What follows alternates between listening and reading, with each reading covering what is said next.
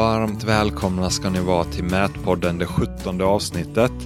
Och den här gången fortsätter jag med intervjuerna från Entreprenad Live. Och det är med Abdi från K-Mätteknik som jobbar med markradar. Inte heltid, men mycket. Och lite hans erfarenheter kring det hela. Vad ser man, vad ser man inte? Hur är det och vad kan man använda det till och, och så vidare. Sen är det också en intervju med Henrik Malmberg från Mitta. Och där diskuterar vi, eller jag ställer frågor kring hur det är att ha många anställda och eller många mätare i en organisering. Hur man organiserar, eh, hur det är och hur funkar ISO 9000? Hur tänker man kring investeringar? Hur hanterar man fel? Och hur samordnar man sina kompetenser? Och lite sådana frågor, lite bredare kring företagsmässigt kring en större mätkonsult helt enkelt. Och sen därefter så blir det ett långt eftersnack. Jag har hittat en potentiell co-host här då. Eh, ja, det är en kollega som jag jobbar mycket med och han, han är duktig på att berätta och prata. Så det är Pontus. Han, han presenterar sig själv lite och så egentligen spånar vi fritt kring både markradar och lite vad det betyder för mätbranschen och annan datainsamling och sen också lite om de ämnen som kommer, vi kommer in på med Henrik då kring företagsstruktur och, och även fel då som hur man hanterar fel som mätare då. Så jag tror ni kommer tycka det är väldigt intressant och innan jag rullar intervjuerna så vill, vill jag tacka för att ni lyssnar och även uppmana er att om ni har möjlighet och, och dela med er av, av podden till en person som ni tror skulle tycka om det. Med det sagt så kommer intervjuerna här.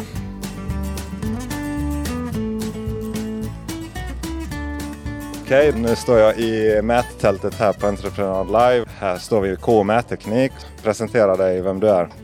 Ja, hej. Jag heter Abdikani Yusuf, kallas för Abdi. Jobbat på K Mätteknik i över ett år nu.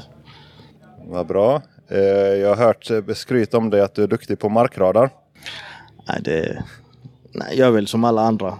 Under lärningsprocessen om man får säga det så. Ja, ja, men du, du kör markradar? Jag kör markradar. Jag, jag är väldigt nyfiken på den tekniken. Matthew pratade om det i förra avsnittet och så har haft möjlighet själv att testa det på ett jobb eller Matthew demonstrerade på ett jobb som hade. Och jag tycker det är häftigt att man kan se olika marschskikt. Men du som kör, vilken typ av uppdrag om man tänker sig vilken typ av beställare brukar beställa markradar? Alltså vi har haft allt från privata som har velat veta var det går i deras trädgård och sen har vi haft liksom försäkringsjobb där de vill veta var vattenläcka kommer ifrån. Och det var ett, eh, vi hade en gubbe där vi körde markradar för det var en läcka i hans mark och det visade sig att det kom från kommunens ledningar så då skulle vi liksom ta ut modell på vem som hade vad och var det gick så att man kunde få veta vem som bar ansvar där. Du menar att man kan se liksom vatten, om det, om det är en läcka, att vart liksom vattnet kunde på något sätt härleda man, det Man ser ungefär var läckan är som mest för den har ju som sagt svårt att penetrera genom vatten. Så, så det blir som en blockering? Det blir där. väldigt mycket blockeringar. Så att, eh, vatten är väl det tydligaste att se i och med att den har liksom som svårast att ta sig igenom. Det är den akilleshälen på marknaden är i vatten. Så den är ju väldigt lätt att kunna se. Sen har vi ju kunnat ta fram rör där det har funnits och vi har varit i en kyrkogård och kört där de inte hade några ritningar. De ville veta vad som fanns under marken. De visste att det gick ledningar där men de visste inte var det gick. Så. Och då kunde vi få fram ja, mer än 80 procent av allting i alla fall. Häftigt. Om man, om man börjar tänka, liksom, vad är det bra för? Vad är det dåligt för? Alltså begränsningar. Liksom. Vad, vad, är typ ett enk, vad är enkla saker att hitta med markradar? Metall. Okej. Okay. Då är det typ segjärn, alltså om man nu tänker rör, gamla rör. Gamla rör, eh, elledningar kan man också få fram, speciellt om det är aktiva elledningar. Då är det väldigt enkelt att se sådana saker. Jag vet inte, har du kört med sån kabelsökare någon gång? Jag har kört med kabelsökare, Alltså ja. om du jämför, eh, kanske fler har erfarenhet med kabelsökare. Om, om man letar efter en elkabel, skulle du säga att markradar är på samma nivå eller är det enklare att se? Det beror på hur stor yta det är och det beror på vad det är för kabelsökare. Alltså saken är ju att här ställer du in om du vill ha 60 MHz eller 50 och det är väldigt enkelt att få fram, speciellt när det är aktiva. Medan eh, är det lite mer oaktiva så kanske kabelsökare är bättre. Okej, okay. det är bra att veta. Hur, hur stora rör kan man se? Alltså om man tänker sig, finns det, jag kan tänka mig att man tappar upplösning om man kommer djupare. Ja, eh, men eh, man kan se det mesta, alltså man kan se vattenrör, luftrör, elrör, alltså det, det mesta går att se för det är liksom penetrationen genom. Så det, det ser man ju oftast inte på man kan få ett hum om vad det är ute på plats men lättare att urskilja sen när man håller på att jobba på programvaran på datan.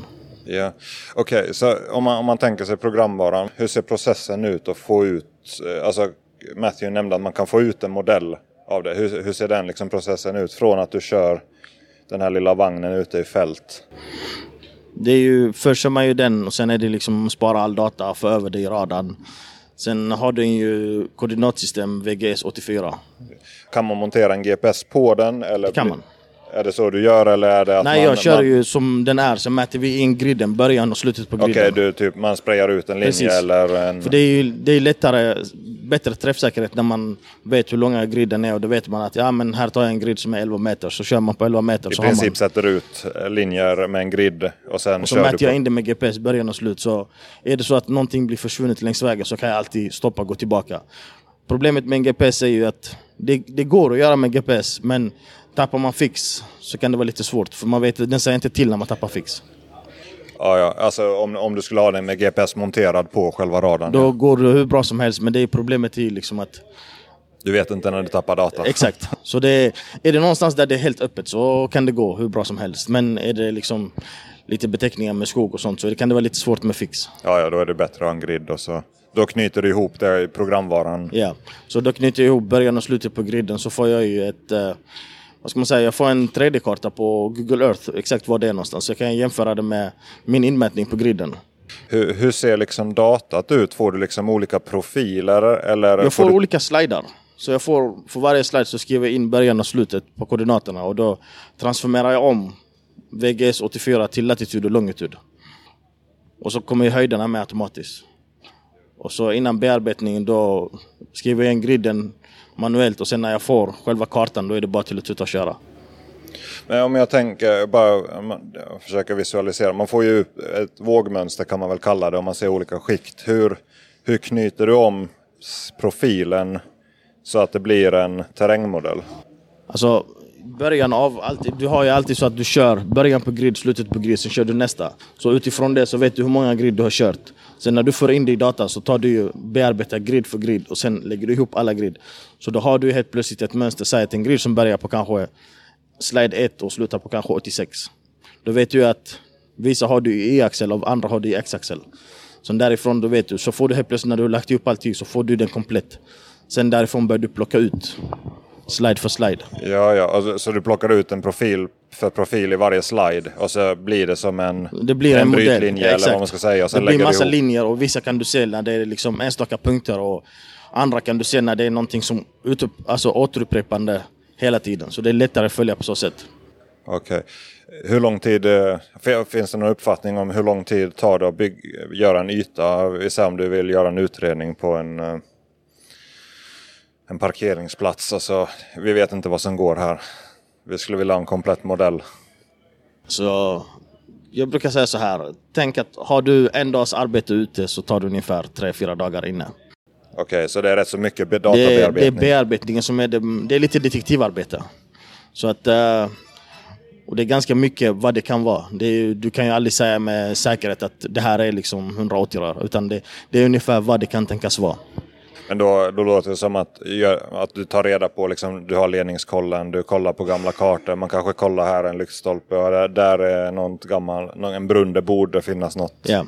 Sen har vi ju de här hyperballsen, alltså när det finns, jag vet inte om du har sett den, men när det träffas så ser du ofta sådana hyperballs. Eh, ja, jo, det blir som om man beskriver det som typ, det är som dataspel, sådana ja, ja, ja, sådana små laser. Och där kan du se liksom, oftast om du har en hyperball och sen har du liksom lite mer suddigare under så kommer en hyperball. Där brukar det oftast vara kanske ett luftrör eller någonting. Så det är, det är väldigt enkelt att se desto mer man gör. Så att, uh, det kommer ju mer och mer. Liksom. Jag börjar bli mer säker på den nu än vad jag var för åtta månader sedan. Det... det låter som det är rätt så stort element av tolkning, alltså erfarenhet. Att, väldigt mycket. Jag bara tänker om man köper en sån eller hyr en sån första gången, att då är det... Det är väldigt det. svårt. Med, med, erfarenhet kommer väldigt mycket kan jag säga dig. För uh, det är ju det ena arbetet är inte det andra likt. Så att uh, ibland får man lite, vad ska man säga, lite mer huvudbry då det kan vara lite svårt att tolka. Men sen när man får veta vad som finns under marken så förstår man, aha, det kan vara det här liksom. Så att uh, man tar med sig varje jobb som erfarenhet till nästa jobb. Så att uh, det kommer med väldigt mycket erfarenhet. Ja, ja. Om, man, om man tänker sig, det var, vi kanske pratade lite mer om rör där, markskikt och så. Vad har du för erfarenhet? Vad kan man se och vad är begränsningarna? Liksom? För ofta är det ju, jag kan tänka mig, man är spontant så här, man, asfalttjocklek är ju kul att veta, eh, hur tjockt är överbyggnaden, vad som är grus. Kan man, eh, är det någon eh, gömda, typ eh, torv eller är det någon gammal husgrund gömd i en parkering? Jag bara tänker i projekterings eller Jo, men sånt kan man se. Gammal husgrunder är väldigt enkla att se och vi har ju även sett betongmurar som ligger under marken. Har vi också fått fram gamla cylindrar som ligger, betongcylindrar som ligger under marken har vi fått fram.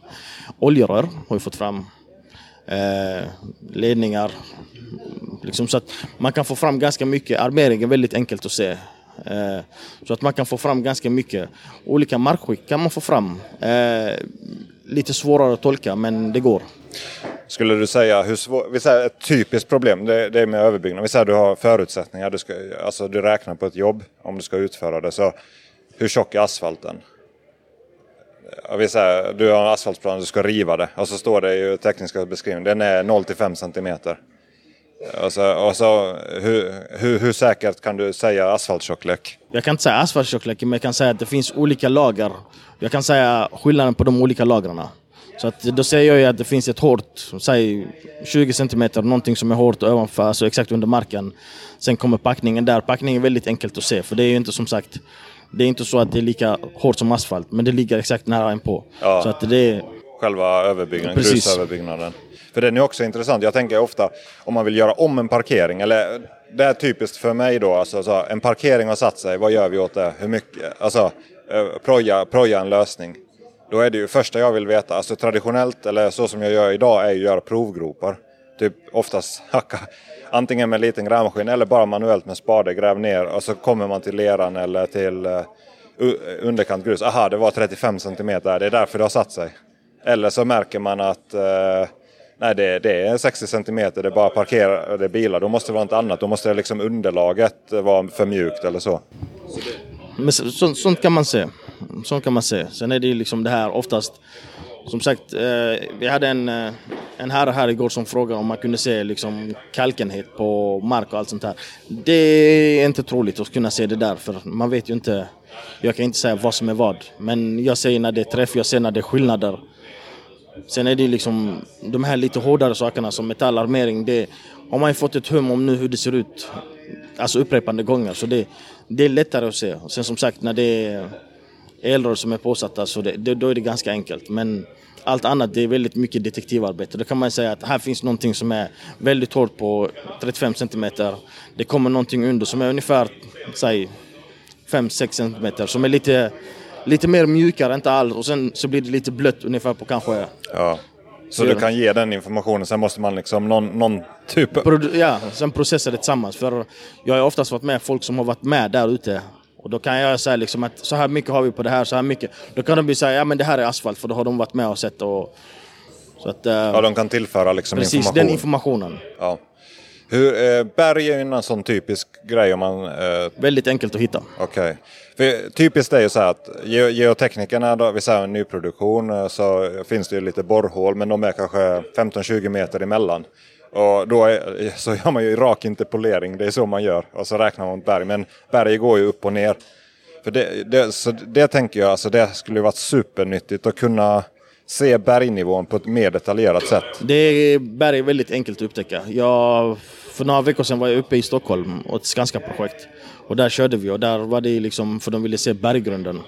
Och det, det, är ganska enkelt att se berggrunden. Fin, finns det något som hin, alltså, skulle kunna hindra berget? Vi säger att det är, säger att det är tre meter, mellan tre och fem meter till berg. Eh, skulle det vara någonting, finns det någonting som hindrar? Alltså vi säger om det, det finns ju olika jordtyper. Det kan ju vara lera, det kan vara morän. Eh, eller kommer berget fram så pass tydligt ändå? Men alltså, det, det, finns svårigheter med lera och blöt mark. Det finns alltid svårigheter. För som sagt, akilleshälen på markradarn är ju vatten. Men eh, tar man under optimala omständigheter så ska det inte vara några problem. Så ibland får man ju avgöra. Vi körde ju som sagt på en varm sommardag så det var väldigt enkelt att upptäcka. Och vad, vad, är det för mellanskikt där i Stockholm? Jag kan inte berggrunden i Stockholm. Alltså mellan berg och ytan, vad brukar det vara? Alltså det var ganska högt där, var det nästan på två meter under, ganska snabbt. Men de har ju väldigt hög berg där i Stockholm och det var ju... Men är det morän mellan eller är det lera eller? Jag kan inte säga det. Nej, nej. det... Men jag tänker att det, det är rätt praktiskt liksom när man är entreprenör räknar på jobb. Alltså det låter som att samtidigt som man mäter in tomten och gör en befintlig markmodell så att kunna utnyttja markradar till att... Jag kan ju spontant säga så här att jag har ju märkt på vissa kunder att den, den har ju räknat ganska bra på deras ätarbete. För det är ju, oftast kommer man ju, om man har fått en viss information, och det är inte alltid informationen stämmer. Och sen har ju vissa varit lite mer skeptiska. Ja, men jag vill fortfarande veta. Och det har visat sig att vi har kunnat ge dem information som inte de haft tidigare. Så det har ju inte... Nej men det är det jag tänker. Alltså, vi säger att du ska bygga ett hus. De säger att det finns ingen berg men du skannar det ändå och så märker du att det kommer finnas berg. Då kan du räkna på ett lägre pris. Du vet Exakt, att ja. Eh, det kommer komma berg. Vi kommer räkna en mätare på det. Så det är, det är några stycken nu. Det börjar bli mer och mer. Alltså I början hade vi inte så mycket jobb med den och då var det liksom att då demade vi ganska mycket och kunde visa folk. Och du vet, alla var fortfarande... I och med att det inte är så känd teknik på samma sätt så var ju liksom, folk var skeptiska. Men sen har det ju visat sig ganska mycket. Hur många skulle du säga känner till, alltså, eller jobbar med... Eh, vet du andra företag som jobbar med markradar som utför konsulttjänster? Nej, inte så som vi. Liksom, vi kör ju den ungefär en till två gånger varannan vecka, varje vecka ibland. Liksom. Så nu, nu har det varit ganska, I sommar har det varit ganska mycket. Så det... Kör, kör du över hela landet eller är det mest i Stockholm? Nej, jag har kört i Göteborg, jag har kört utanför uh, Kristianstad, det, här i Stockholm, Eslöv. Liksom, så det är lite överallt. Det låter som ja, ja, så det, bra grej. Utanför mitt hem också. så, det, bra, bra. så jag vet vad som finns där under. Ja. Är det något annat? Eh, okej, okay, så vi har pratat lite om markradar. Är det något annat du tänker på när vi, jag borde ställa frågor eller du vill berätta om markradar? Alltså? Nej, men det, alltså, jag, jag kan ju bara... Det är ingen fråga men jag hade uppmanat folk till att ta reda mer om markradar för jag tror det är en teknik som är väldigt missförstådd. Alltså, jag tror ju folk kan lära känna marknaden lite bättre för jag tror det är en framtidsteknik om jag ska vara helt ärlig. För eh, jag har jobbat som mätare nu några år och det, så fort jag fick möjlighet till den så hoppade jag på ganska. Det var inga frågor om det. För, och det är ju som sagt, jag, det har inte gjort mig besviken för man har fått reda på ganska mycket och lärt sig väldigt mycket med det. Jag har ju suttit med utvecklarna från USA och haft utbildningar och sådana här saker och då har man fått veta att det skiljer väldigt mycket i våra markgrunder här och i USA så att eh, det är ganska intressant. Så att, eh, nej men alltså var lite mer nyfikna. Kanske fråga Var efter öppen, öppen för ja, idén liksom. Att Kanske man kolla kan innan se. man börjar projektera liksom. Speciellt därför. Oftast så kommer man ju och då är, när de har träffat på något hinder och då är det liksom att, Det är då är, då är för sent. ja, ja, men nu vill vi ha det och då är det liksom, då får man gräva igenom och och då, då skiljer marknivåerna lite för då har man ju redan börjat schakta lite. Så det... Eh, När du säger att du har varit utbildning i USA eller något liknande. Upple har du någon känsla för, använder man det mer utomlands? Ja. Eh, I USA vet jag att de använder det ganska... Den används ju väldigt mycket inom arkeologi. Till exempel, där vet jag. Och, men som sagt, om du hittar en, en lik under marken på tre meter eller om du hittar ett rör under marken, det är samma. Alltså du, Samma du, du ser ju att det är någonting där fortfarande. Så att, Ja. eh, och som sagt, vi har ju kört nu... I Göteborg var vi körde i kyrkogård, där de ville äta gamla ledningar och allting. Så där, där kunde vi få upp det. Så eh, visst, det kändes moraliskt fel, men det var ju någonting helt annat. Gött. Ja, då såg du lite skelett också. Ja, nej jag försökte inte gå över de sidorna där. Det var, håll mig upp till gångbanorna bara. Bra. Tack så mycket för att jag fick intervjua dig. Tack själv du. Jag står här vid Mittas tält och vem har jag framför mig? Henrik Malmberg heter jag. Är affärsområdeschef för mätdelen på Mitta. Ja, och Mitta, jag ser här på montern eller att det finns flera delar i alla fall. Precis. Eh, en av de sakerna, jag har varit på Mitta ett år nu och en av de sakerna som attraherar mig med Mitta var just de här olika teknikområdena vi har och de synergierna man kan få emellan dem. Förutom mätning så har vi geoteknik, vi har labb, vi har miljö. Det hänger ju ihop såklart. Allting. Precis, det är alla tjänster som kommer in ganska tidigt om man ska utveckla en fastighet eller eh, ha en, eh, bygga någonting. Ja. Och Mitta, är, det ser ut som det är rikstäckande också om man nu bara pratar om Mitta som allmänt. Precis. En karta med massa orter här. Om vi tar på mätsidan så har vi kontor ifrån Malmö i söder upp till eh, egentligen Gällivare men framförallt Luleå i norr. Okej. Hur, hur, hur många ungefär eh, har ni som mäter? På mätsidan så är vi idag 75 personer, lite styvt 75 personer. Det är, det är lite säsongsberoende men eh, just nu är vi 75. Ja. Kör ni allting från typ stomnät till bygguts byggutsättning? Vi har hela kedjan. Ifrån eh, enklaste utsättning, inmätning till stomnät, beräkningar, mängdning, allt. Ja, roligt. Jag tänker lite, alltså om man nu tänker, du är affärsområdeschef och så är ju ja, 75 personer låter som ett bra gäng där. Alltså det, om man nu tänker sånt som är alltid relevant, kvalitet och att folk är nöjda. Om man, jag tänkte lite så, hur gör man för att ett större företag ska hålla en jäm, eh, någorlunda jämn kvalitet? För jag, jag upplever som en ut, utmaning är ju att man har personer som är duktiga och sen och så det beror på vem man ringer. Ja. Nej, men så, är, så är det ju. Alltså, det, det spelar inte så stor roll vad företagsloggan säger utan Nej. det gäller att känna rätt personer ja. lite överallt. Ja, precis. Och så kanske det, men vad har du för tankar kring det? Ja, men det, det är väl så egentligen i all konsultverksamhet. Eh, mätning är väldigt individberoende eh, relationer med eh, en affärschef eller någon platschef har, känner någon mätare som man är nöjd med. Då blir det lätt att man fortsätter och det, det vill vi naturligtvis att man gör. Men vad kan man säga i, på Mitta då så jobbar vi ju, dels har vi ett kvalitetssystem, eh, ISO-certifierat kvalitetssystem som eh, är ganska implementerat och byggt utifrån att det ska gå att använda snarare än vara en teoretisk produkt. Det är en bit. Sen så har vi Mitta-akademin eh, där vi har ett antal utbildningar, ett tjugotal utbildningar som vi låter i dialog med våra medarbetare så sitter chefen och diskuterar med medarbetaren vilka kurser som är relevant för den här personen att gå för att ta nästa steg i sin karriär.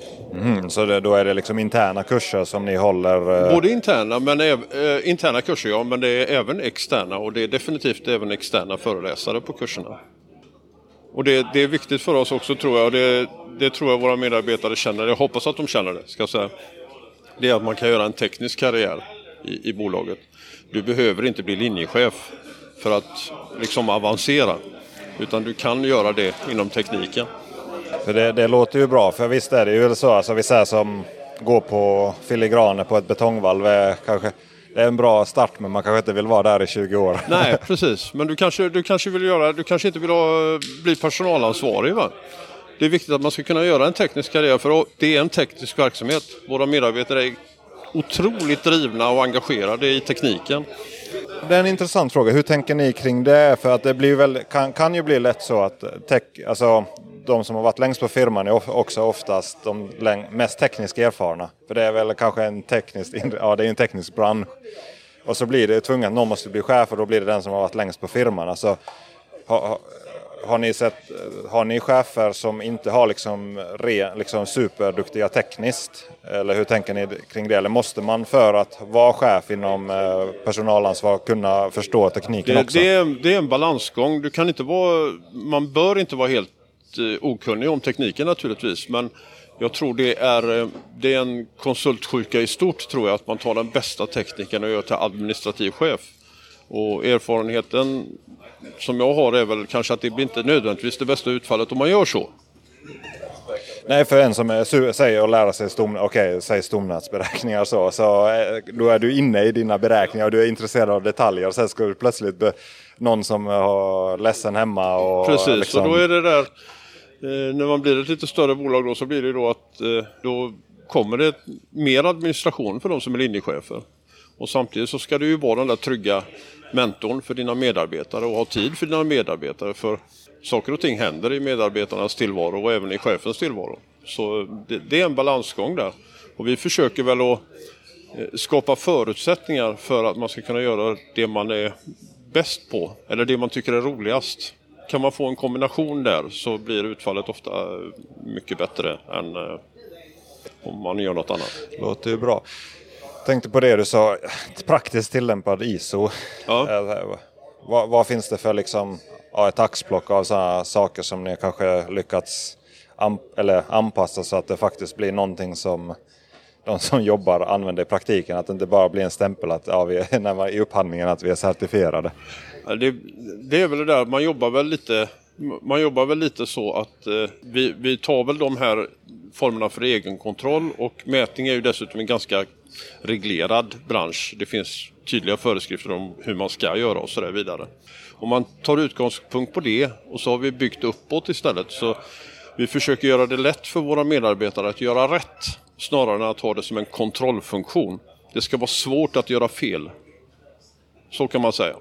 Sen, sen är det ju så att det, man kan ju hålla på och göra delprocesser och underprocesser i, i, i vinnerlig tid men vi har försökt hålla det på en nivå som våra medarbetare är kompetenta och duktiga och drivna. Eh, ha en nivå som gör att de, de också känner att det är relevant att faktiskt följa den här.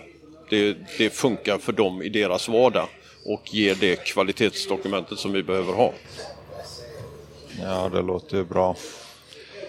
Upplever du, nu, i och för sig nu har du kanske inte varit så länge där, men jag tänker, har, för visst har Mitta köpt upp många bolag också, ja. att det har expanderat via uppköp. Så hur, hur är det att, jag bara tänker, då kanske man har sett en inblick, hur, hur mycket varierar branschen från olika bolag? Alltså det, det måste finnas en olika kulturer och olika standarder och det så. Gör det, det gör det och det, det är ju en av utmaningarna när man köper, växer genom att förvärva bolag. Jag tror Mitta idag består av 14 till 15 olika bolag om vi tittar på alla teknikområdena då. Eh, och då får man naturligtvis olika kultur och du får också olika, eh, olika vad ska man säga, lokala varianter på att hantera data och det, det, finns eh, flera lösningar. Och där är ju ett ansvar som företag då att man har en struktur som man har någonting att komma in till som man känner att det är ordning och reda. Och eh, vi försöker ju att vara den där som, som faktiskt det är kul att komma till för att det finns någonting centralt. Men sen så är det så att eh, tekniken är ju som jag sa tidigare där ganska reglerad och så, så sättet att mäta och sättet att jobba det skiljer inte speciellt mycket. Om man bara tar lite tekniskt, eh, vilka eh, programvaror använder ni och vilka typ hårdvarumärken använder ni? Eller är det, är det fritt till eh, de vi, olika individer att välja eller är det, kör ni en linje? Det är en balansgång det där. Vi ser ju gärna som företag att vi har så få olika programvaror och produkter som möjligt. Samtidigt så är eh, både programvaror och instrument är, är väldigt individ eh, individen önskar att jobba med det han har jobbat med tidigare och där försöker vi så långt som möjligt tillgodose det. Men vi har ju primärt, primärt ifrån Leica och Trimble instrument. Ja men ni har bägge Trimble och Leica? Ja, ja, ja, ja, ja, det har vi. Och då blir ju programmjukvaran, eller kontorsmjukvara, vad har ni? Kör ni olika, både SPG och Topocad och... Stämmer. Och så Trimble blir väl, vad heter det, Business Center då? Ja, det önskar jag att jag kunde mer om. ja, ja, nej, men jag tror de där måste man väl köra. Eller jag tror, jag har inte heller Trimble kille, men jag nej. tror man har samma, alltså ja, jag vet att det är olika i alla fall. Ja. Mm. Exakt, okej. Okay. Um, ehm, om man tänker, hur, alltså, vad har du för reflektioner kring hur mogen bransch är mätbranschen? Alltså som om man jämför med andra konsultverksamheter. Jag kommer ju från, eh, jag kommer från teknikkonsultsidan så jag har jobbat väldigt mycket med projektering av el, VVS, konstruktion och brandprojektering. Ja, på och, de här stora. Ja, precis. Och jag skulle säga att med, både mät och, och, geoteknik och så på Mitta är mycket väl i framkant på det.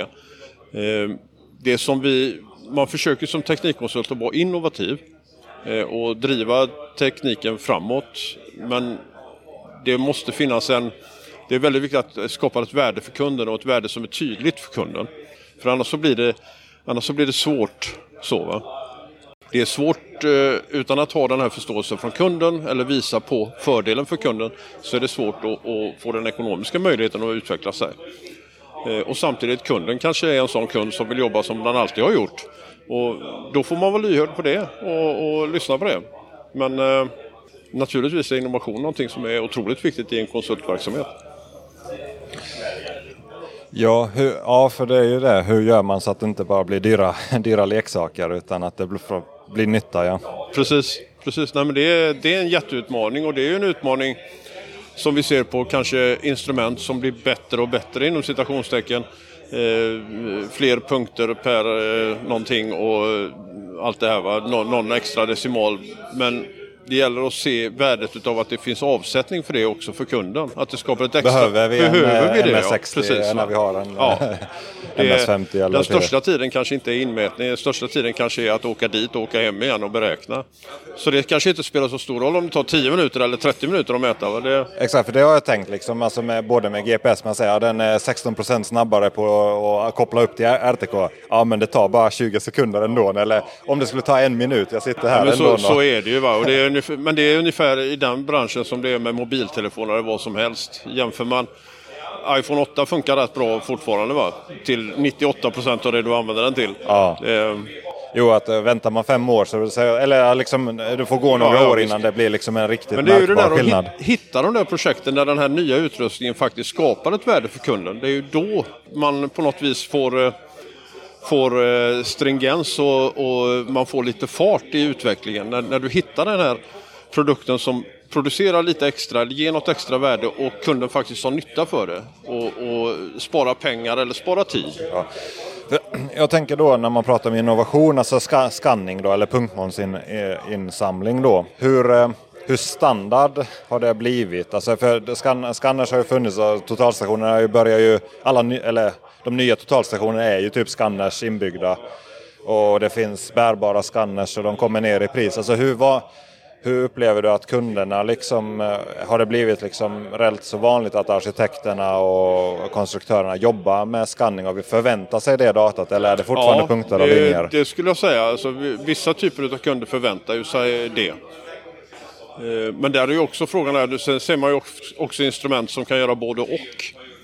Eh, Och där är det ju, de är ofta lite dyrare då, så då gäller det att man har projekt i en viss volym för att man ska få faktiskt skapa ett ekonomiskt värde, annars blir det dyrare för kunden att använda det här. Va? Så då kanske det är smartare att ha två instrument. Ja. Eh, ja, exakt. Mer specialiserat. Och hur, hur jobbar ni eller tänker ni kring, alltså från punktmolnet framåt? Jag har haft det lite som ett subtema i podden, alltså återkommande. Alltså hur, det, det fanns en formulering på engelska, det var någon som sa att What's the point of a point cloud? Alltså liksom, vad gör man sen? Alltså för, som jag jobbar mycket med projektering och då mark, liksom markprojektering så då gör man ju terrängmodeller kan man väl säga och då vill, utgår man ju från brytlinjer det är ju liksom det grundläggande och så bygger man vidare från det och punktmolnet är ju att du har inga linjer. Det är bara en massa punkter. Då måste man vektorisera dem på något sätt. Alltså hur tänker ni kring det sen när man väl har ett punktmoln? Spelar roll hur det har kommit till? Vad, vad, slutar elleverans där eller försöker ni förädla det ett steg till eller lämnar ni det vidare Det är till? dialog med kunden. Det är ofta vem kunden är där. Eh, Är det en entreprenör så kanske vi förädlar den lite längre. Är det en teknikkonsult till exempel så kanske den markavdelningen på det, hos Teknikkonsulten kanske jobbar med terrängmodellen vidare med att klassa den. Och eh, det är som du säger, ett punktmoln är ju ganska intetsägande. Mm. Det är bra att titta på och visualisera ja, och ja, jämföra visst, eller med. drapera en bild på eller göra något annat roligt med den. Va? Men, men eh, för det första så vet du ju inte riktigt vad punkten består av. Så, så en bild är ju, är ju alltid bra att ha för att verifiera vad det egentligen är på den här punkten. Och en bild som är tagen samtidigt som, som punktmolnet är insamlat. Men sen, eh, sen är det som du säger också, brytlinjer är ju det som är intressant. Så. Trots allt. Ja, precis. Och, och för att inte få extremt mycket data så är det ju brytlinjer och göra en terrängmodell och sen lite singelpunkter. Då får man ju en effektiv terrängmodell istället för att ha en miljard punkter som, som man bygger trianglar kring. Det, så förädlingen, eh, förädlingen beror på kund.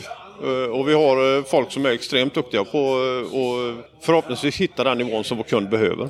Ja, ja, det är väl en också som eh, Per Nilsson när jag pratade med honom igår om drönardata. Det handlar om vad behöver kunden, inte ska, eh, varken mer eller mindre. Eh, hitta nivån Precis. Och det gäller egentligen att, att möta förväntningar. Alltså det, ofta tycker man att en, en eh, noggrann kund som har specifika krav att det är ganska jobbigt. Jag tycker det är svinbra om en kunden vet vad han vill ha för det minskar risken att vi, att vi inte når upp till kundens förväntningar. Är det en sån där liten svepande omfattning i projektet, ta med allt eller ja, jag vet det, det ska bli bra nog ungefär. Eh, Då kanske inte kunden upplever att det har blivit bra nog. Och, och, eh, så tydlighet, både från kundens men också från... Det är ju ett ansvar vi har som konsulter, att vara tydliga på... Om, konsulten, eh, eh, om kunden är lite otydlig i sin begäran så är det ju viktigt att vi som konsult är tydlig med vad det är vi levererar. och få kunden att förstå vad det är vi levererar också. Det är ett ansvar vi har. Ja, för visst blir det om man bara läser ABK, alltså eh, allmänna bestämmelser för konsult eller vad det nu står för. Där är väl, alltså man har ju, där, där, tanken finns ju där att man har ju ett kunskapsövertag mot kunden. Att man har ett väldigt långtgående ansvar ja. och liksom nästan förklara för kunden det är faktiskt det här du kommer få. Inte bara anta att de Nej. vet vad de vill. Nej, och vara tydliga med då att man kan ju då, kan man ju, då kommer ju den här rådgivande delen in då. Att det är kunden inte säker på, ja men hjälp kunden då att bli säker. Det kanske inte ens är jag och kunden som, vi kanske ska ta in en tredje person som stöttar kunden i vad han egentligen behöver. Men det, det är ju där man med samarbete i branschen och kontakter man har kan skapa den där tryggheten på, på alla sidor bordet. Det är till allas fromma. Ja.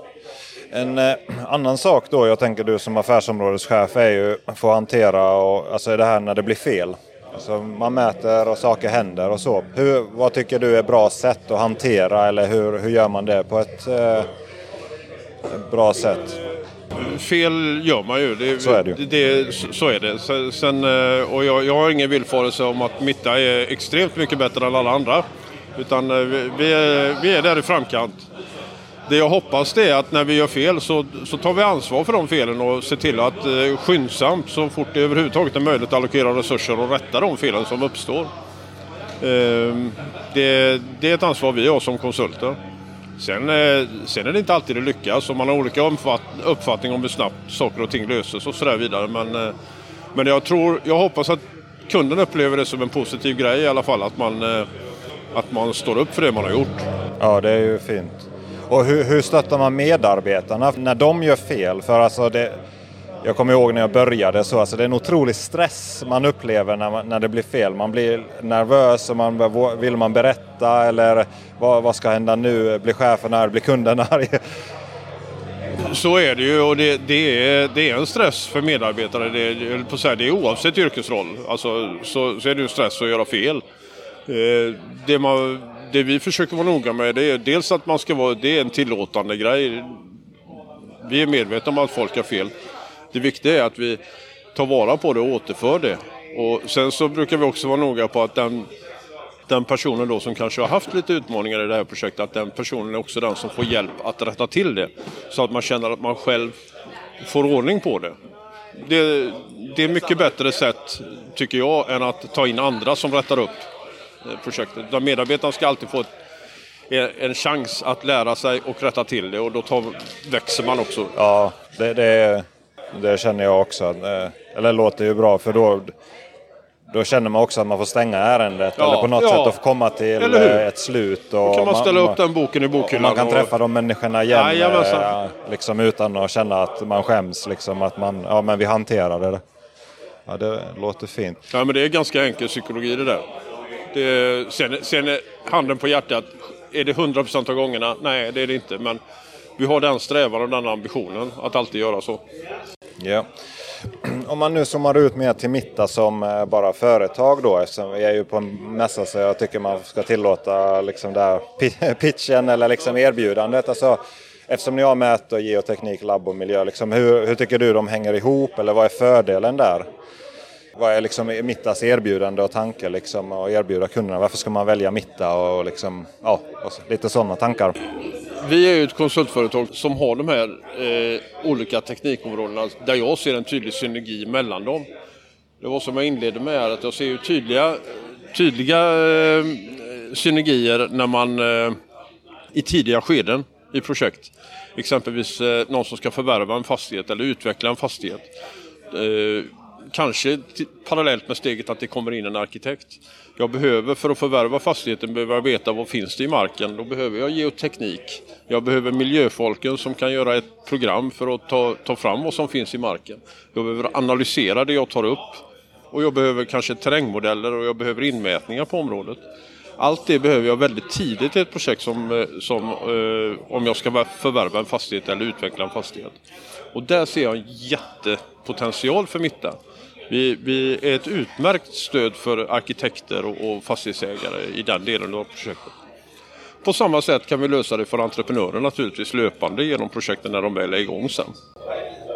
Ja, för en, eh, alltså en, total, säger en totalare då eh, som eh, för entreprenörer. De behöver ju alla delarna där väldigt tidigt också. Att, nästan i anbudsskede behöver man ju något konsultstöd. Liksom. Alltså, kanske man inte gör alla undersökningar men någon liksom erfarenhetsmässigt säger att det här är nog bra att tänka på. Precis, precis. Nej men jag håller helt med. Det är, precis så är det. Precis så är det. Sen brukar man ju traditionellt sett så är det inte så vanligt att de här teknikområdena finns kanske i ett bolag separat som det gör här. Utan ofta blir det så att man köper mätning från en geoteknik från någon, miljö från en tredje och, och så där vidare. Synergierna här är ju framförallt då i den tidiga fasen, det är att man har alltihopa i ett bolag. Ja, då eh, slipper du den risk, riskpengen eller, eller ja, men, liksom alla ska lägga på eh, sitt. Och... Man kan ju samma, det är lite lättare att samordna sig själv också. Än och, eh, annars får Annars får kunden ett väldigt stort ansvar i att samordna de olika teknikområdena om de kommer från olika leverantörer. Ja, hur, hur jobbar ni med det? Liksom att, vi säger om en arkitekt då som kommer till er då och behöver den här hjälpen. Får man som en fina termen Key Account Manager. Alltså får man en kontakt eller jobb, hur jobb, jobbar man med varje Oftast del? Oftast får man hur, en hur kontakt. Ja. Kunden har en, kund, en eh, ansvarig kundkontakt. Den personen är inte sällan också projektledare för den, den eller de projekten vi har åt den kunden. Det kanske inte är han som tekniskt utför jobbet, eller oftast bör inte vara, höll jag på, nästan på att säga. Va? Eh, men han är ansvarig för att se till att det uppfyller kvaliteten som kunden förväntar och hanterar all diskussionen internt i Mitta. Då.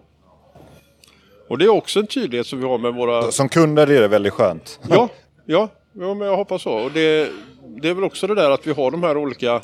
Vi har specialister och vi har linjechefer. Vi har också projektledare som en, som en separat spår där projektledning hanteras lite styrmoderligt ofta bland teknikkonsulter för det är någonting man gör lite samtidigt som man gör sitt teknikområde. Sådär, jag känner igen det. Ja. Eh, och för mig så är projektledning det är, det är en disciplin likväl som mätning eller något annat. Ska man vara riktigt duktig på det så, så är det någonting man jobbar med. Och då är det ju så lyckligt att vi har ju folk som börjar på mätning och som finner ett intresse och eh, är duktiga på projektledning. Och då blir det väldigt naturligt att man glider över i den rollen. Härligt. Så det, det, låter ju som att det finns mycket utveckling, alltså om man nu jobbar. Att det, det är, det är ett liksom fantastiskt man... Eh, företag och, med fantastiska möjligheter. Så eh, är det, hur tar man kontakt med er? Alltså, om man är intresserad av era tjänster? Eller ni ser, jag ser ju att ni söker ju folk personal också. Vad ja, det gör liksom, vi. Det gör om, man, vi. om man är intresserad av er så här. Så... Är man intresserad så kan man ta kontakt antingen direkt med mig. Eh, man är alltid väldigt välkommen till. Annars är, man hittar oss lätt på nätet på mitta.se. Vi är indelade i tre olika regioner, syd, mitt och norr. Och varje region har sin avdelningschef. Finns också väldigt tydligt på, på nätet. Och eh, här i, syd då, i och med att vi befinner oss i, i Knutstorp idag så här nere är det Mattias Olsson som är ansvarig. Så han är man väldigt välkommen att kontakta honom också. Eller vem som helst som har mitta på ryggen. Det var jättefint. Jättebra. Är det något annat du tänker på eller? Annars? Nej, tackar för möjligheten. Tackar själv. Tack så mycket. Tack. Då var det Abdi och Henrik här och det fanns ju mycket att plocka där.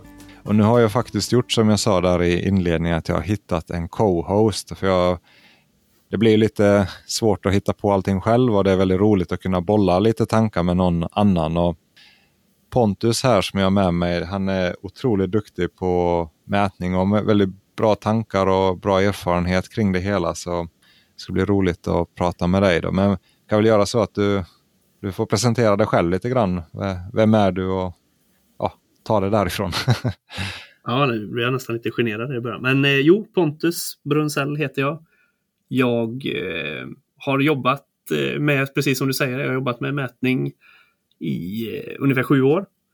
Och eh, varit på ett eh, medelstort företag där jag både, både fått varit med och eh, ja, man hållit på med klassisk byggutsättning, Anläggningsmätning blev det väldigt mycket de sista åren eh, tillsammans med en hel del administrativt då när man satt med lite personal och ansvarig på ett, eh, ett, ett geografiskt distrikt och ett kontor i Borås. Vad skulle du säga är din, vad är du bra på eller vad gillar du liksom eh, inom mätning? Jag gillar dataprogram. Jag tycker det är väldigt kul med dataprogram och olika eh, Eh, hur man effektiviserar sitt jobb inne alltså datas, datainsamlandet och hur man tar hand om datan och då faller ju också de här bitarna in Så vi har suttit väldigt mycket nu de senaste åren med, som jag sa, med anläggningsmätning men kanske framförallt mängdreglering, alltså mängda mängda mot MF, eh, rita, projektering, eh, ja, men förfina FFU och sådär. Så mycket data de sista åren. Så det börjar väl med traditionell mätning och sen så har det sakta men säkert gått in mot eh, datajobben då. Och även den här personalbiten senaste, senaste åren. Och sen i, idag, sen ungefär ja, snart ett år tillbaka så driver jag eget ihop med en gammal kollega. Mm. Vad gör ni på den firman ni gör nu ungefärligt? Ja, men det är, väl, det är ju framförallt fokus på den här databiten då som jag sa. att eh, ja, men Projektering i olika, kanske lättare former, men ja, förfinar FFU och sådär. Sitter en hel del med bygglov och försöker även knyta in våra då erfarenheter från Z eller från geodesi när det kommer till att kanske rita i världskoordinater, att eh, kombinera projektering med drift så att modeller som skapas redan i första skedet går att använda för mängder och för maskinstyrning och, och sådana saker. Så, så fokus på den biten, inte, inte så mycket mäta längre. Ja, nej men det låter ju bra det. Vi kommer ju höra säkert mer av dina erfarenheter här framöver, men jag tänker att vi gör som vi brukar, att vi pratar lite om avsnittet. Så jag tänker på det här med markradar framförallt. Jag har ju testat det. Jag fick en, en demo där från eh, um, K-mätteknik. Uh, eh, I ett skarpt jobb egentligen så hjälpte de mig lite. Vi hade ett problem. Vi, ja, det fanns ett dagvattenmagasin som var byggt men det fanns ingen dokumentation och då blev det en besiktningsanmärkning. och Frågan uppstår liksom hur mycket volym är det i magasinet? Hur stort är det? Hur högt är det? Och istället för att gräva upp en nyasfalterad yta så testar vi då markradar och det visar ju sig att det var ju en, det var, det var ju kanske inte det, det, blev ett bra svar. Det var inte lätt skulle jag inte säga, men det blev ändå en tydligt när man jobbade med det att, att här finns ett hålrum och det, ja, summa summarum så var besiktningsmannen nöjd. och så, så sparade det nog väldigt mycket energi och tid för eh, utföraren. Då. Men jag vet inte vad du, vad du tänker om eh, markradar? Nej, men jag, jag har ju lite liknande. Det är faktiskt inte så jättelänge sedan så fick jag också en demo i ett skarpt läge att testa. Och där, eh, det var väl vår eh, grundgrej i detta var väl att vi eh, skulle eh, lägga ledning som skulle schaktas ner i ett skogsområde som var avverkat. Och vi hade förhoppningen att vi skulle kunna göra styrd borrning istället. Men för att göra det behövde vi ju veta, finns det något berg här? Så då ringde vi till en återförsäljare och frågade ifall inte de kunde komma ut och visa och så kunde vi se hur, hur, hur lätt kan man hitta det här berget och, och ja, men också kunna säga då skarpt på detta projektet om vi, ja, men vi, vi tror att det faktiskt är värt att testa och borra eller nej, vi får schakta. Eh, så, eh, men summa summarum där var väl eh, också, alltså vi, vi vågar påstå att vi hittar berg ganska så direkt, men jag skulle också vilja säga, och det kom ju också fram i din intervju där, att det handlar ju om att tolka datan.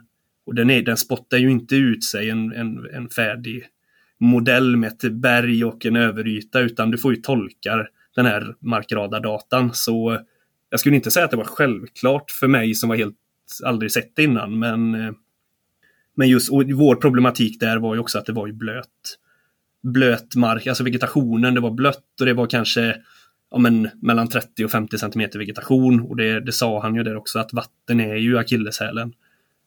Så, eh, men vi fick, vi fick ett ganska skarpa studs på, på det vi tror är berg eller stora block då, på flertalet ställen. Så, nej, men det, det är en väldigt häftig teknik. Men vad ser du om man tänker nyttan kring det? Liksom, för den ja, projektet eller din, din beställare då, det är väl entreprenören där då. Men hur, om, man, liksom om man nu tänker att man skulle kunna få fram berg, vad har det liksom för nytta där? Alltså vad skulle rent ekonomiskt, liksom om man tänker eh, liksom möjligheterna? Eh, ja men exakt, det, det är ju, nyttan är ju ekonomiskt och alltså att man, man redan innan kan se tillvägagångssättet än att de i det här fallet testar att ställa upp en, en eh, borrig och börja borra och så halvvägs går de på berg och så blir det schakt i alla fall. Då har man ju någonstans fått dubbla moment och eh, saker man inte har räknat med. Nu gjorde vi detta ganska så tätt inpå egentligen. Det, pratade, det nämnde han ju också där i intervjun att eh, det här skulle man kunna göra redan när man, innan man lägger ett anbud, alltså i, i kalkyl att åka ut på stället och, och göra lite testskanningar med, med eh, markradarn. För då kan man ju redan innan ha lite koll på, ja men här kommer vi gå på berg, här, är, här ska vi egentligen borra. Då blir ju det också en ekonomisk förutsättning för och hur man prissätter det jobbet då. Vad tror du om värdet där då? Alltså vart, eh, alltså om man nu tänker sig han sa ju en dag ute i fält om man vill ha en modell av det. För det har jag förstått att om man bearbetar datat så får man lite mer tydlig modell än bara den man får ute i fält, där man ser skärmen. Men om man säger fem, eh, fem dagar arbete, en dag och så fyra dagar i kontor för någon, en konsult och det är 40 ja, 40 timmar, 800 spänn, det är 32 000. Så, ja, men om man tänker sig den summan i kalkylskedet, är det, när, när börjar det löna sig? Vilken typ av entreprenad? För är det, är det smått, om man tänker sig en liten villagrund, eller, där, där är det för litet och någonstans så blir det ju för stor sak.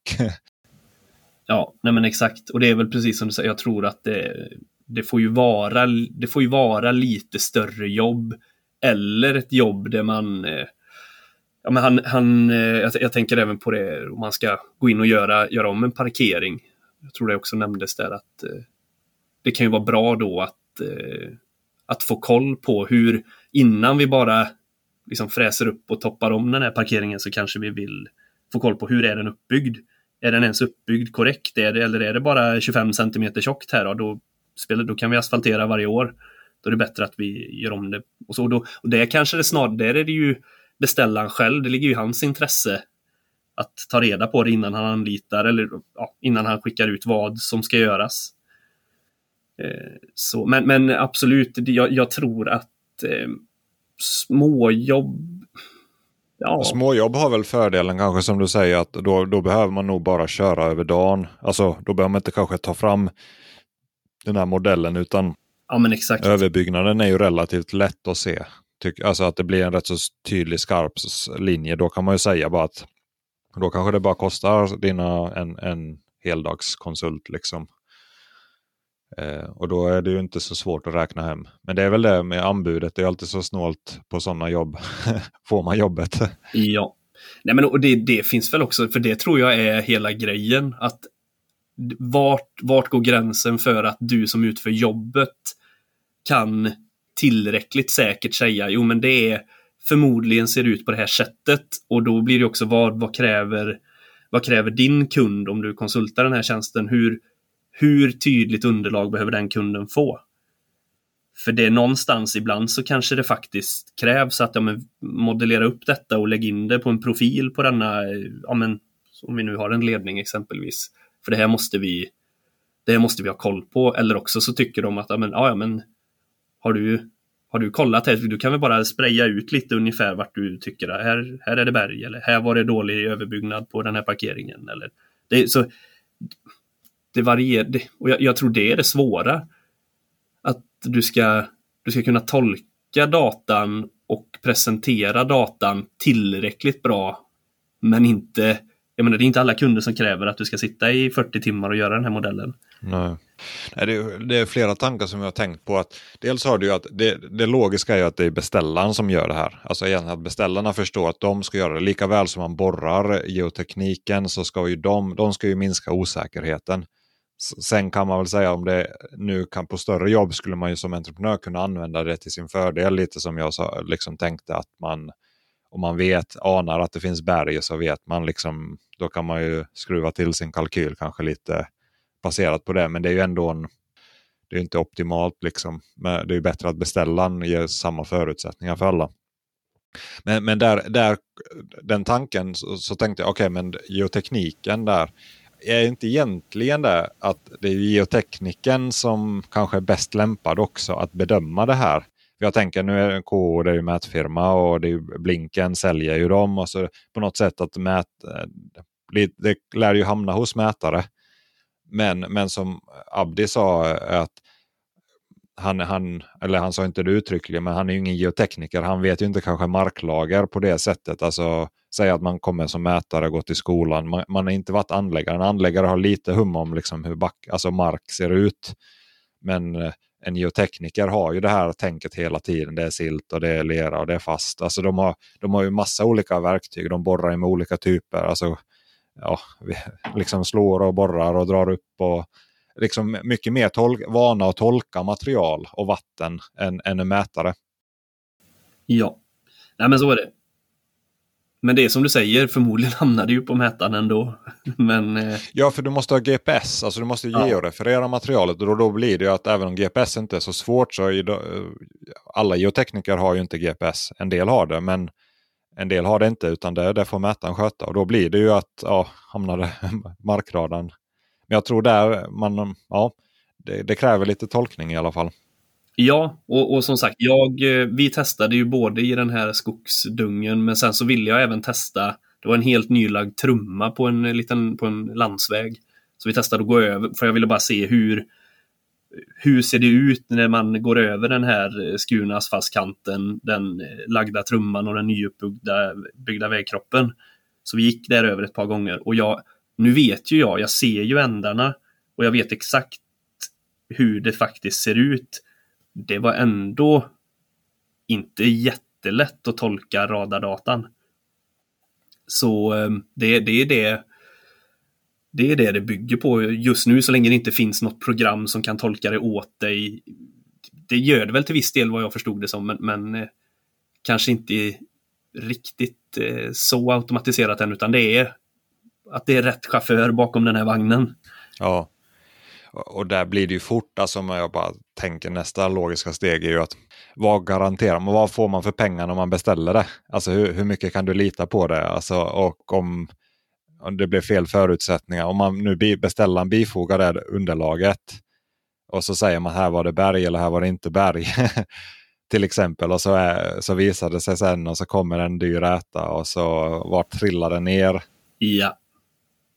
Nej men precis, det ju men det blir väl samma problematik som geotekniken. Att, eh, men, eh, men att det är i alla fall lite öppna frågor. Eh, som jag tänker. Men, men jag tror jag, alltså parkeringar, överbyggnader, där ska jag använda lite större parkering. Men alltså där, där du kan baka in den kostnaden i din projektering eller i din undersökning.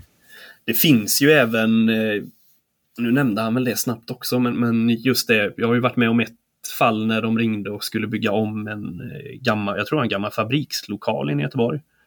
Och så behövde konstruktören få koll på hur ser, ser, du, ser byggnaden ut? Men man, det är ganska vanligt att man skannar av gamla byggnader när det ska byggas till och på och, och renoveras. Men här var ju den stora frågan, hur ser bjälklagen ut? Hur tjock är betongen? Ligger det någon armering? Ligger det något, an, ligger det något annat i plattan än bara betong och armering? Så då har man ju också använt den här typen av, och då kanske man inte kallar det markradar, man kanske kallar det bara radar, jag vet inte. Men, men eh, det, det kan jag också tänka mig att det blir mer och mer när man börjar utnyttja de här gamla byggnaderna som finns i städerna. Då, då vill man få, då, ja, även nybyggda kan det ju vara svårt att ha helt, helt hundra koll på hur det faktiskt ser ut.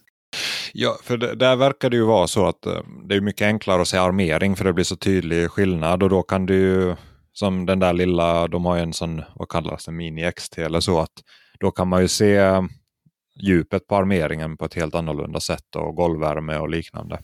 Exakt. Så det är väl en potential. Och jag, jag tänker alltså, det, mätarens roll, jag tror vi ligger i den fasen, alltså vi kan ta som bransch ta till oss det eller välja att inte göra det. Men det här med reality capture eller, eller om insamlandet av data, inte bara mätdata utan dels punktmolnet, det har ju redan fallit. Det är ju mät, mät idag då. Det är ju mycket punktmolnsinsamling. Men så har du ju, du skulle kunna ta de här, vad, vad kallar man det, alltså bilder, alltså dokumentera framfarten, alltså med 3D-kameror, eh, 360-kameror och lägga det på plattformar så att man kan liksom se hur, hur det går att man dokumenterar bygget. I, I Danmark så tittade jag på ett projekt, eller jag fick en demo, så vad heter det, Struction Site. De blev uppköpta nu. Vem var det som köpte dem? Kommer inte ihåg. Men i alla fall, där, där var det ju mät, ett mätfö, alltså en mätföretag då som gjorde den dokumentationen löpande åt bygg, byggaren. Istället för att de går runt med en 360 så är det mätaren som samtidigt som mäter samla in det datat. Och det är ju en sak och så är det ju här eh, hur, hur ser väggarna ut. Och, alltså det finns ju mycket insamling av data som, som mätaren skulle kunna göra och även värmesökning. Att, alltså, tänka lite bredare än bara koordinater. Ja, man pratar ju mycket om de här digitala tvillingarna och då, alltså, det är ju en sak om den digitala tvillingen åter, att man, den återger skalet och kanske ja, men man, någonstans där kanske du vill ha alltihopa i slutändan. Även hur det ser ut inuti. Ja, och jag tror att som det här temat som egentligen jag fastnar för från den här mässan är att GPS och totalstationer blir enklare och enklare och enklare att använda. Alltså entreprenörerna kommer använda det. Mätarens roll kommer utvecklas, måste utvecklas till mer datahanterare datasamlare, alltså övergripande för GPSer har de och Topcon hade, det kommer i och för sig nästa avsnitt, men de hade en totalstation utan tubsikte. Utan det var ju gjort för entreprenörer att de hade en totalstation som etableras mot prismer. Alltså som mättekniker lämnar och sen har, sen har bygg, eh, alltså betongarna och alltså snickarna, de har en stång och handdator och en enklare totalstation. Ja, men den blir ju, det blir ju mer och mer lättanvändligt och, och det är ju också tanken att det ska bli lättare och lättare att bruka produkterna och mjukvarorna. Sen är det ju fort, precis, alltså expertisen bakom att förstå eh, hur och varför gör man på vissa sätt och hur felsöker man och hur sätter man upp strukturen för att det ska bli korrekt under produktionen. Alltså, den, det behövs det ju fortfarande expertis. Men det är väl det jag tänker att det är där mätaren, alltså mätkonsulten och mätarna, det är där man måste ha så att man måste liksom upp i sin expertisnivå eller kunskapsnivå för att åtminstone som företag, men, att, alltså, men som mätare också för liksom det finns enklare grejerna försvinner. Det är i alla fall min tes, vi får se. Ja, nej, men jag är nog beredd att hålla med där. För det, och det ser vi ju, framförallt i storstäderna så ser man ju den trenden mer och mer att ja, men lite grann, men jag, en arbetsledare eller en, en eh, en grovis eller något annat känner att ja, men jag, kan ha, jag kan använda det här som ett verktyg och ha ganska bra koll men snälla kan du hjälpa mig med lite filer och samla in, jag mäter in lite punkter, kan du ta hand om dem sen? Så man, man är fortfarande delaktig men man kanske inte springer och gör det här dagliga på plats. Så nej, jag håller med. Det, och, det, och som sagt, då kan ju... Då, jag höll på att säga, det öppnar ju också upp för, precis som du säger, fler fler bitar blir någonstans, även om en viss liten del, ska inte säga tas ifrån oss, men då, då öppnar det ändå upp för eh, massa andra saker i den här datahanter samordningsbiten. Ja, verkligen. Alltså det, det är ju det är väldigt få som kan koordinater. Alltså så, eh, inomhusprojektörerna de ritar sin lokala nolla. De har ingen uppfattning om världen eller om vi uttrycker det så. Så den, den rollen kommer inte försvinna utan det kommer bli viktigare och viktigare projekt utan, i projekt att det blir svindyrt om det blir fel. så, så man behöver ha någon geografisk datasamordnare eller BIM-samordnare fast för, för Z eller hur man uttrycker det. Och det är väl lite så redan kanske. Ja, det går ju åt det hållet i alla fall. Men markradar då? En intressant teknik värt att hålla koll på? Eller hur sammanfattar, sammanfattar man det? Ja, men det tror jag. Och just det att eh, det, det, min uppfattning är att det inte är jättemånga som, som varken håller på med det eller som kanske har hunnit blivit riktiga proffs på det sättet. Alltså det, jag skulle nog säga att det, det, ja, det är något att, att hålla, hålla utkik på. Eller efter. Ja, och det, där, där tänker jag också en annan eh, tråd där. Eh, jag har sett på LinkedIn. Eh, jag försöker följa alla mätare. Eh, all, allting den föreslår som har med mätning så följer jag. Så har, om ni har blivit följda av mig här på sistone så vet ni varför. Men, men i alla fall i USA så finns det ju någon han, han gör väldigt mycket reklam för utility mapping och jag får uppfattningen om att där har de som en kalla det för en GIS slash mätare fast mer som en ledningskoll, alltså ledningsutsättare fast utredare mer som en egen roll. Alltså att du, du har inte lika centraliserat där med eh, som ledningskollen här har utan där, där, där kallar man in en ledningsutredare för ett projekt. Då. Där ser man, han använder ju markradar och han använder kabelsökare och han använder GPS och eh, så lägger han in det i ett GIS, alltså GIS, GIS-program. Att där, där är också en marknad tror jag här. Att på lite större industri eller alltså på privat mark eh, där man har mycket befintliga ledningar att göra en utredning. Alltså som mättekniker skulle man kunna ha det som en del. Att göra en vettig ledningsutredning. Det, det, det, ser man ju i och för sig när man tittar på folks hemsida att ledningsutredning finns där. Men att som en, liksom en göra den tjänsten eller produkten till en mer allmän del. Till exempel som nu sitter jag och projar på ett underlag och man får lite PDF, gamla pdf-er, omstämplade bygghandlingar till relation och så ska man försöka pussla ihop det. Då hade det ju varit gott om en mätare samtidigt som man mätte in det gjorde lite mer kvalificerad undersökning av ledningarna. Alltså att beställaren skulle beställa det och fatta att, att han skulle beställt det. Framför allt. Ja, verkligen. Så ja, men det är ju omvärlds, omvärldsinsamling av data på något sätt. Ja, ja är det datasamordning eh, kanske blir det slutliga ordet på yrkesgruppen. Ja. Men om man, om man tänker eh, eller om vi går vidare där till Henriks där lite eh, om från mitta där då. Där fanns ju ja, många trådar. Vi kan ju inte prata om allt där. Men jag vet inte, fastnar du för något särskilt liksom? Eller vad är din spontana reaktion på det, det, det samtalet? Ja, det jag tyckte någon gång var, eller någonstans var genomgående, det är ju det här att eh, man känner igen man känner igen eh, tänket, man känner igen eh, problematikerna som dyker upp när det kommer till konsultverksamhet och kanske framförallt inom våran, våran yrkesgrupp. Och jag ska inte säga att jag blir glad att höra, men det är lite så här, ja, men vi, vi, vi, eh, vi tampas alla med, med ungefär samma med och motgångar. Ja, sen, sen tyckte jag att han hade eh, en hel del bra grejer som han eh, lyfte fram. Som ja, men till exempel när du, när du har en sån konsultverksamhet med så pass mycket människor, då kanske du behöver dels kanske rikta in folk i att vi är inte bra på all, alla är inte bra på exakt samma saker, att man lite grann har sin, sin nisch inom företaget, att man också får, som han sa, möjlighet att utvecklas i den tekniska nischen likväl som det, det tror jag kom fram flertalet tillfällen det här med att alla kan inte bli chefer. Eh, och det är ju, ett företag är ju kanske inte framförallt byggt av chefer eller folk i ledande position utan ett bra företag är väl framförallt byggt på duktiga yrkesmän.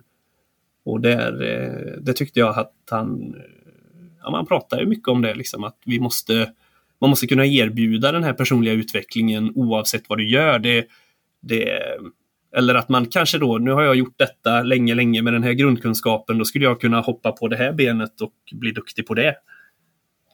Så ehm, ja, det, var, det var väl en sån, en sån bit som jag tyckte var vettig. Vad, vad kände du själv? Nej, men det är väl det alltså att man kan bli teknikspecialist eller att det inte är automatiskt. Det, det är en väldig frestelse såklart alltid att man, man har mest kanske erfarenhet av företaget och då litar man på dem av de anledningarna och så får man någon form av ansvarsroll och så trivs man inte i den rollen eller projektledarroll. Och så ska man göra det, precis som man sa, lite halvdant eller vid sidan om och samtidigt göra sina tekniska uppgifter. Då. Jag tänker bara det att programmerarna har ju det och det måste väl teknikkonsulten också, att man, man blir som specialist, teknikspecialist där då att all, alla blir ju inte bra chefer. Eller liksom bara, och det är kanske två olika personligheter helt och hållet. Någon som älskar att nörda ner sig i regelverk och eh, felsöka och beräkna är ju kanske inte samma som vill hantera de här personal triv, trivseln och personalproblem och kundproblem och, och möjlighet till kundkontakter. Nej, men exakt. Och det, det nu kommer jag inte ihåg, men det känner du säkert till också. Det finns väl något sånt eh, uttryck, är det Peter syndrom? Nej, jag kommer inte ihåg vad det ja, heter. Peter principle, att man blir befordrad till sin inkompetensnivå eller hur man uttrycker det. Exakt, det låter hårt men det ligger ju faktiskt någonting i det. Att bara för, alltså om du har en, en kille som är superduktig, vi, vi säger att han, han, har mätt, eh, han har varit mätare länge, han är jätteduktig anläggningsmätare eller han är jätteduktig byggmätare. Eller, han, han är duktig på det han gör. Och så ska, precis som, som eh, Henrik sa där också, att eh, så kanske företaget växer och så letar man efter en ny, någon som ska ta lite mer ansvar. Det behövs någon som tar ansvar för en viss grupp och så går man på dem då som är, har varit länge eller som är väldigt duktiga på det de gör. Problemet kanske är att den här personen kanske inte alls varken vill eller klarar av att ta hand om personal. Eller ta hand, eller ta hand om kunder eller vart han nu hamnar istället. Och då har du liksom tagit en person från det han var riktigt, riktigt bra på till att sätta honom i en roll där man på pappret så är det en bättre roll men ingen är egentligen riktigt nöjd i slutändan om man ska vara hård för att personen i fråga känner att det här kan jag inte riktigt och företaget känner att men vad Hallå, du, du har ju ansvar här, varför, varför gör du inte det du ska? Eh, eh, till, till exempel. Så det, det, är nog, eh, det är nog viktigare än vad man tror att tänka på det där. Och också kanske... Ja, det, det är också svårt, eller så. Det, många gånger kanske man kommer på det för sent. man, det, det, man vet, det är också så här, man vet ju inte förrän man har testat, men att man... Och det, det gäller ju inte bara våran, eller alltså... Det gäller inte Nej, bara det är väl allmän... Det gäller ju alla, men, men, eh, men det är nog en viktig grej att ha med sig och det, jag vet inte vad som är någon slags grund för att slippa den problematiken. Alltså, öppen dialog. Men det är också väldigt... Nej, men det är han sa ju det. Det gäller att göra det med balans. Att du kan inte heller, det, det, är också ett problem att om du har en chef som inte förstår vad det handlar om och då blir man frustrerad som anställd. Så, eftersom, det, ja, man förstår inte detaljerna. Så, så att, eh, men, men som man säger, att hitta liksom rätt lyssna och liksom för, föra in mot det, det man är, trivs med och är bra på.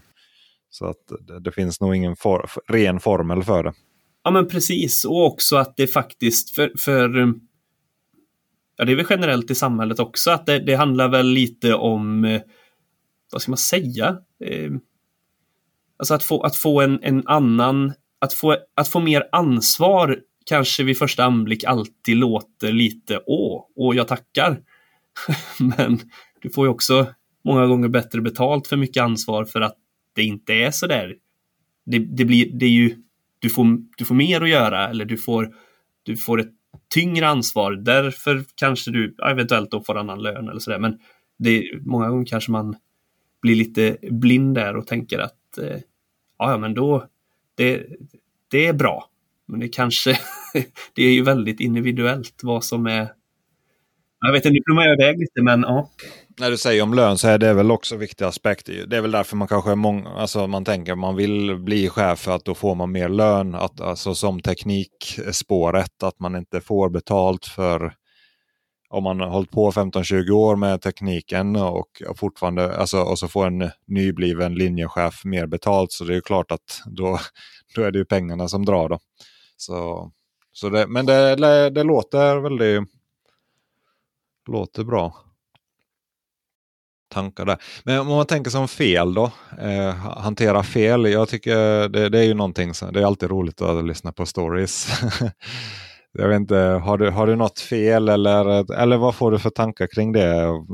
Nej, jag, jag får ju generellt så får jag ju en tanke och det här är väl eh, något som min före detta chef myntade att eh, ibland känns det lite så att om man pr pratar mätbranschen eller mätyrket så är det en bransch som förväntas och det är nästan ett krav på oss att vi får aldrig göra fel. För det, och det, är klart, det, det är klart det inte är så igen, för alla gör fel och, det, och så är det ju. Men, men lite det här att ja, men, mätaren kommer ut och sätter facit det får inte bli fel eller det, det, blir inte fel. Du har ju satt det här med totalstation, det kan ju inte bli fel. Och det blir också en ökad press på en mätkonsult att hela tiden känna det att ja, ja, om, om den här yrkesgruppen eller den här yrkesgruppen gör fel, då kan man, ja, det, det rättar de bara till eller det snyggar de, de, det ljuger vi bort med lite puts eller färg eller ja. Men mätaren kan inte, vi har, vi har inte de marginalerna. Och det, det är klart att det...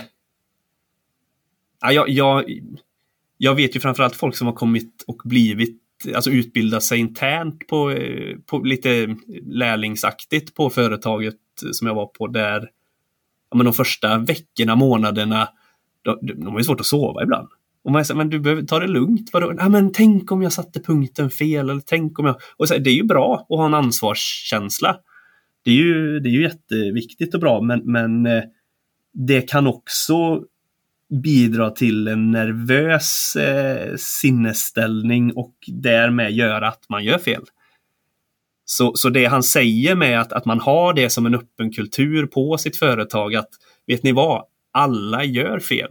Att man får höra det när man är nyexad eller är på sin lia eller även de som har jobbat länge, att man, att man påminns om detta att alla gör fel och det går alltid på något sätt att rädda upp ett fel. Sen är det klart att det kan ibland bli väldigt, väldigt dyrt och ibland kostar det knappt någonting. Men, men just det här att, att man har den kulturen, på något, eller att man förmedlar det att alla gör fel, det går alltid att rätta till och, vi, och också det här att bara vi lär oss någonting av det.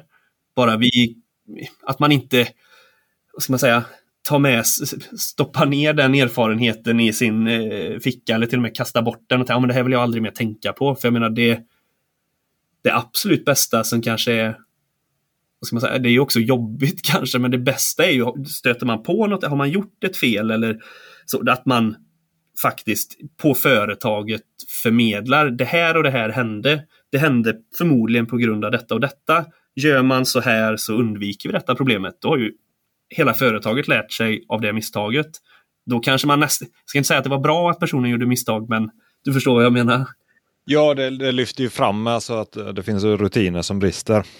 Så är det ju också. alltså, alltså det, det, man märker är ju, alltså som, jag känner igen det där, det har vi pratat mycket om, alltså när man är ny och sådär, man är ju nervös för att göra fel och mycket handlar väl om kompetensen egentligen. Eller dels kompetensen, man vet inte riktigt sina begränsningar och man vet inte vad är rätt och vad är fel i absolut mening, bara så här gör man. Och sen också att man inte kanske har rutinerna eh, för felsökning eller kontroll. Alltså om man tittar, läser HMK, så det tyckte jag var, det fastnade jag för som säger, Henrik sa, att det är en väldigt reglerad bransch. Och då kan man ju beroende på var man jobbar kan man ju känna att eh, hur reglerad är den? Alltså den är självreglerad. alltså du, det blir inte bättre än du själv gör det till eller de rutinerna du följer. Men läser man HMK där med god mätsed, att en mätning är ingen mätning och du kontrollerar. Alltså egentligen, du måste ju kunna varje steg du gör, alltså att ditt instrument är kalibrerat och du har haft varit på service, din utrustning är kalibrerad, du ha kontrollpunkter, du jämför med befintligheter. Alltså du vet, gör du det och efter en utsättning, du mäter in din utsättning, du jämför den, du sätter upp en station en gång till eh, mäter in punkter, jämför dem och sen säger du okej okay, nu är jag, jag, jag har satt ut och jag har gjort min kontroll. Och då, då så är det färdigt. Då har du ju liksom, då har du inte så mycket att vara nervös för. Men nervositeten kommer ju. Du springer ut, slänger ut några reflexer och sätter ut och sen så, alltså, så hoppas du att det blev bra. Att, att, att det, är samma, det kan vara samma koordinater men, men strukturen hur du sätter ut koordinaterna och kontrollerar dem eh, det kanske kräver dubbelt så lång tid men det är där som du, du har din rutin och följer eh, det som ut, lantmätarna har utvecklat under flera hundra år. Liksom. Det här är best practice, god mätsed. Exakt. Jag, jag, vet inte vad din erfarenhet är, men min erfarenhet är många gånger att när, när man pratar, det är klart att man har ett sätt att jobba och man har rutiner och sådär som, som som ingår i och, och, som direkt kommer från HMK hur man bör och ska utföra sitt mätjobb. Men många gånger så känner jag att det när, när, eh, när kunden eh, kanske kräver in extra egenkontrollsdokument eller man ska upprätta en KMA-perm med diverse egenkontroller i och sådär, då, då ses det ofta från konsultens sida som att ah, ja, jag får väl göra detta för kundens skull. Men det är ju lika mycket åt andra hållet också. Har du gjort den här dubbelkollen? Har du mätt in ditt bakobjekt det sista du gör efter att du har alltså kontrollerat ditt bakobjekt efter att du har gjort, utfört en mätning? Bara där så kan du ju när du kollar på dina utsatta punkter, om du har mätt in dem då, förutsatt, eh, och du har mätt in dina bakobjekt, alltså etablerat, kollat efter, bara där så kanske du slipper de här sömnlösa nätterna eller oron i magen för att du har, du har utfört din egen kontroll korrekt. Du har kollat dig. Ja, den är absolut för kunden också. Men man ska nog se det mycket som att det här är ju för att jag ska kunna veta att jag har gjort rätt och släppa det jobbet och inte ha den här magverken. Mm. Jo, och det är väl det som alltså, man, man gör ju sig själv en otjänst eh, som bransch eller som individ, som företag, som bransch att, att man skyndar på. Eller som bransch vet jag inte, det, men som företag i alla fall. Jag vet inte, jag har inte tillräckligt bred syn på det där. Men, men att om man skyndar på så gör, skapar man ju problem för sig själv egentligen. Ja, men man tror nästan att man gör kunden en tjänst när man, ja men eh, nu ska jag dit och jag gör detta snabbt nu. Då, och, så, och många gånger så jobbar man på löptimme. Ja, men då gör jag detta så fort jag kan, då, då är alla nöjda. Ja, fast ingen är ju nöjd om inte vi kan visa upp att det som är gjort är rätt. Och... Ja, ingen är nöjd om det inte blev rätt i alla fall. Nej, nej, men, det, nej men det är det jag menar. Det, det är ju... Så det, det, blir lite bakvänt att man vill vara... Nej, det är väl lite som att gå till en advokat. Okej, okay, en advokat kostar 2 eller 3 tusen kronor i timmen. Alltså, klart man vill att de jobbar snabbt, men alltså, om de inte ger rätt råd så vad är poängen överhuvudtaget? Eller till en läkare liksom. Alltså, ja, jo, men jag vill nog att du om du tycker att man behöver någon röntgen till eller någon skann eller så, ja, nog ska du göra det istället för att bara gissa. ja. Det var en engelsk, ehm, eller engelsk, men en Youtube-kanal från eh, en utsatt, eller lantmätare från Kalifornien. Han pratade om det där, alltså jämförelse med det med professional services. Att, att mät, surveyors eller ja, ehm, lantmätare, mät, mättekniker, de har inte samma status som en advokat eller en läkare eh, även om det egentligen är en liknande, alltså det är en konsult eller en, en hög, högutbildning eller en, eh, en väldigt ansvarsfull professionell roll där man egentligen styr riktlinjerna själv utan du har en god bransch, branschpraxis. Alltså, som lekman kan du inte, alltså, jag vet inte om advokatens, om det är rätt eller fel. Jag har ingen förmåga att tolka om han säger ja, si och så och så. Vi bedömer så. Okej, okay, men då kör vi väl på det då räknar jag med att han har kollat upp och följt branschpraxis och varit ärlig och du vet hela köret. Jajamän. Och, och det, det, är ju så man måste göra som mätare också. Att inte de stånkar för att betongen ska komma eller de hinner inte och de har bokat en för sent eller ring för sent. Då är det ju deras problem. Att, att man får in det i ryggraden att nej men det, det är inte mitt fel. Men det är lättare sagt än gjort. Ja, det är det verkligen. Och, och som sagt, jag tror, jag tror att eh vi alla någon gång har slarvat med de här egenkontrollerna och med de här eh, och att man faktiskt, eh, ja, precis så som du tänker, att man ah, nu ringer de i panik. Ah, ja, oh, nu måste jag, nu, fick, nu äger jag det problemet. Eller nu, och så får det, ska det gå så fort som möjligt för det får inte kosta pengar. Och att man nästan tar på sig eh, någon annans kläder, ja. på att säga. Och det, det, är väl som att köra bil. Alltså jag bara tänker med en liknelse. Alltså du kan ju köra för alldeles för fort och osäkert och du behöver inte ha bälte på dig. Eller om du har last i din, din släp så surrar du inte fast det. Alltså oftast går det ju bra. Men det är ju inte rätt. och då när det blir fel så blir det väldigt stora... Alltså, då blir det väldigt fel. Ja, och väldiga konsekvenser. Så det är väl lite så som att köra utan bälte utan att, att inte göra sina kontroller. Ja, men exakt. Nej, men så, så för att återknyta till, till det du sa om intervjun där, då var alltså just det att, att, att faktiskt ha rutin, att inte blunda för att eh, ja, men eh, gör man rätt så blir det aldrig fel. Eller ja, ja men eh, nu blev det fel, då vi släpper det. Utan att man har rutiner för det. Det är att man, ja men rutiner och en kultur kring att göra fel som inte, att ingen ska liksom gå runt och behöva hänga läpp. Man ska såklart, man ska, man ska ta ansvar för det man har gjort och man ska, och men just det, hela tiden upprätthålla sina rutiner för hur undviker vi det? Varför händer det ändå? Hur kan vi undvika det i framtiden? Allt, allt detta, det, ja, det är... Eh, det, alla vet att det är viktigt, men eh, det, det är, nog, ännu viktigare än vad man tror. Ja. Ja, det hade varit intressant att se deras ISO-system, hur de tillämpar det, men det är väl det är väl inte så. Men, men alltså just att som han sa det att försöka göra ett ISO 9000 eller kvalitetsledningssystem som är lätt. Alltså göra det lätt att göra rätt som man uttryckte det. Och, och hur, hur, det ser ut i praktiken. För det är ju det det handlar om. Att alla erfarenheter går in i liksom ett system och en praktik som gör att man gör rätt. Och så. Nej men det var, tyckte det var väldigt intressant att lyssna på Henriks tankar där. Ja, ja men det tyckte jag också. Ja, nej, men då har vi pratat längre än våra intervjuer. fick prata här. Såklart. nej, men det, men det, ja, men så, så lite eftersnack här alltså. Så. så fortsätter vi väl med det nästa avsnitt då. Med lite fler, fler intervjuer. Väldigt trevligt att få vara med och så ska jag försöka få ordning på min eh, mikrofon här om folk tycker att det låter väldigt burkigt i min ände. Ja, det var ju otur. Du köpte ju en eh, ny mick men det verkar vara måndagsexemplar. Det är bara... Men det är så det... typiskt. Det någon, den har inte gått igenom alla egenkontroller innan den släpptes. Exakt från fabriken. Där har vi det. Det blir väl en bra avslutning. Så Tack så mycket för att ni har tagit er tid att lyssna och eh, är ni nyfikna på vad jag hittar på så finns vi på Youtube på Landskaparen och landskaparen.se. Och det är bara att höra av sig och försöka svara på alla meddelanden. Och Pontus, om man är nyfiken på er eller vill ha kontakt med dig, hur gör man då? Då framförallt så försöker vi synas på sociala medier och där hittar man oss med, på Westkonsulten med W, E och K. Så det är Westkonsulten i Hyssna.